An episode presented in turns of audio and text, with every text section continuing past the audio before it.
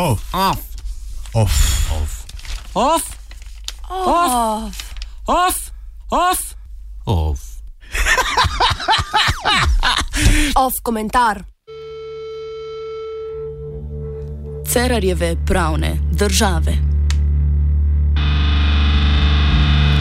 Potem, ko so delavci Luke Koper s prekinitvijo dejavnosti in protestom dosegli odstop Marka Jazbeca, zdaj nadaljujejo stavko in zahtevajo odstop infrastrukturnega ministra Petra Gašpršiča ter sekretarja na Ministrstvu za gospodarstvo Metoda Dragonje.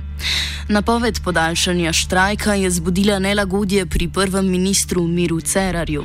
Slednji je v soboto vidno razburjen stopil pred novinarje, povedal nekaj o dobrem sodelovanju z amejskimi slovenci, na to pa svoj fokus usmeril na luške proletarce in upravo.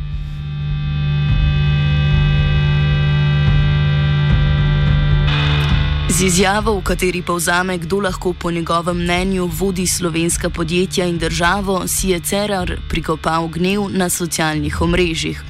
Poleg tega je števec pogostosti uporabe sintagma pravna država že presegel številko 9000. Tudi tokrat je Cerar namreč prekomerno ponavljal svojo priljubljeno frazo. Dvoletnemu vladanju na vzlic pa ima Cerar še vedno pojasniti, kaj pod tem pojmom sploh razume. V današnjem off-komentarju bomo preko njegovega sobotnega nastopa in članka z naslovom Ideološki vidiki razmerja med politiko in pravom, ki ga je premije napisal pred dobrim desetletjem, poskušali rekonstruirati njegovo juridično pojmovanje. Pri tem nam bo v pomoč delo kontroverznega nemškega pravnika Karla Schmidta o treh vrstah pravoznanstvenega mišljenja.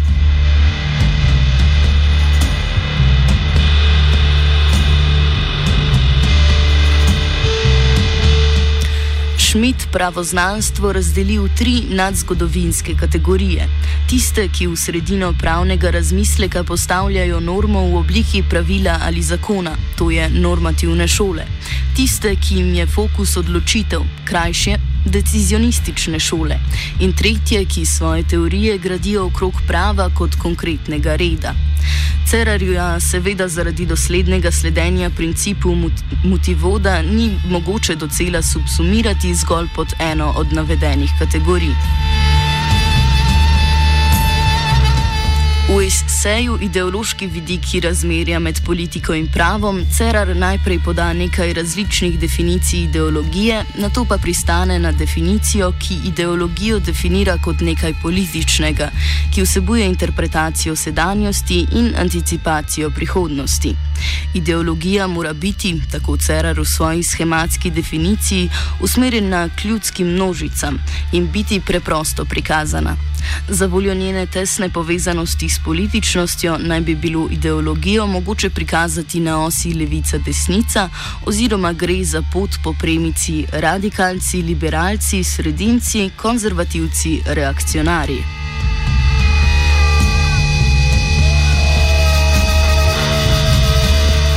Proti koncu obravnavanega eseja Cerar razodene svojo vizijo stkanosti ideologije in prava. Pove nam, da je pravo tako ideološki kot antiideološki fenomen. Antiideološkost vidi Cerar predvsem v sposobnosti prava, da ravna kot posrednik, torej da v konfliktni situaciji najde najboljšo možno in pravično rešitev. Pravo tako dobi tehnično, skoraj znanstveno vlogo.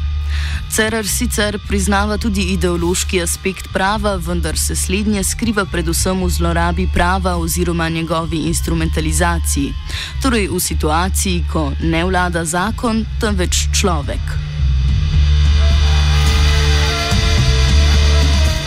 Pogled na nadideološkost prava oziroma njegovo antiideološkost, kot temu pravi Cerar, je mogoč le preko striktne obravnave pravila samega oziroma prava kot množstva pravil.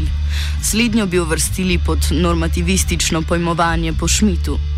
Njena značilnost je, da je sposobna ločiti polje forme od polja dejanskega ali, če hočete, bit od najstva. Ravno zato se lahko v svojem proučevanju normativna šola kaže kot neosebna, profesionalna, objektivna.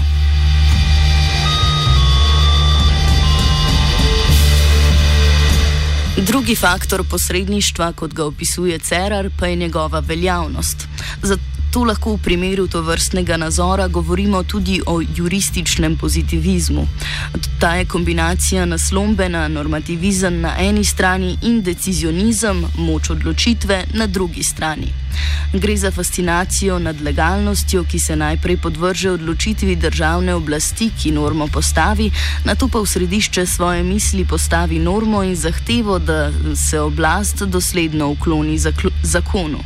Pozitivizem na mesto pravne države postavlja državo zakonov, na mesto pravičnosti pa interes pravne varnosti. Pa vendar v sobotnem Cerarjevem govoru ni bilo sklicevanja na zakon o stavki, zakon o sodelovanju delavcev pri upravljanju ali kakšnega izmed členov ustave. Cerar je svoj govor začel skrbjo za ugled države Slovenije v svetu in škodo njenemu gospodarstvu. Nadaljeval je samo hvalo o tem, kako je njegovi vladi uspelo normalizirati politični prostor, zdaj pa popravljajo nekatere aspekte pravne države in prakse, ki iz njih sledijo sledi. Govoril je o pravnih institucijah in predvsem, kako stavka luških delavcev ni v okviru pravne države, čeprav ni navedel enega elementa kršitve.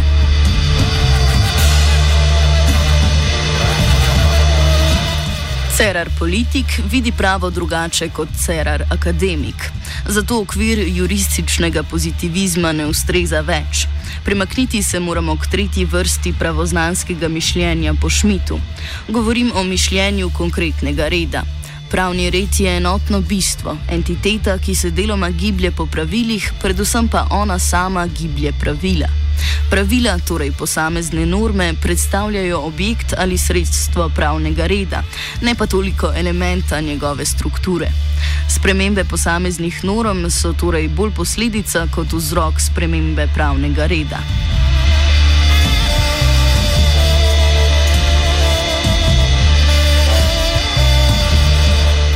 Konkretni red torej ne izhaja iz pozitivno postavljenih zakonov, temveč iz običajev, vrednot ali slovenskega duha.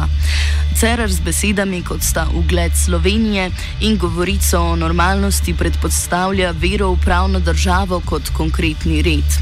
Kako si Cerar ta red zamišlja, pa je reprezentativno prikazano v citatu. Ultimati delavcev vladi in drugim so nesprejemljivi. Ne bom pristal, da bi delavci vodili državna podjetja, še manj pa državo.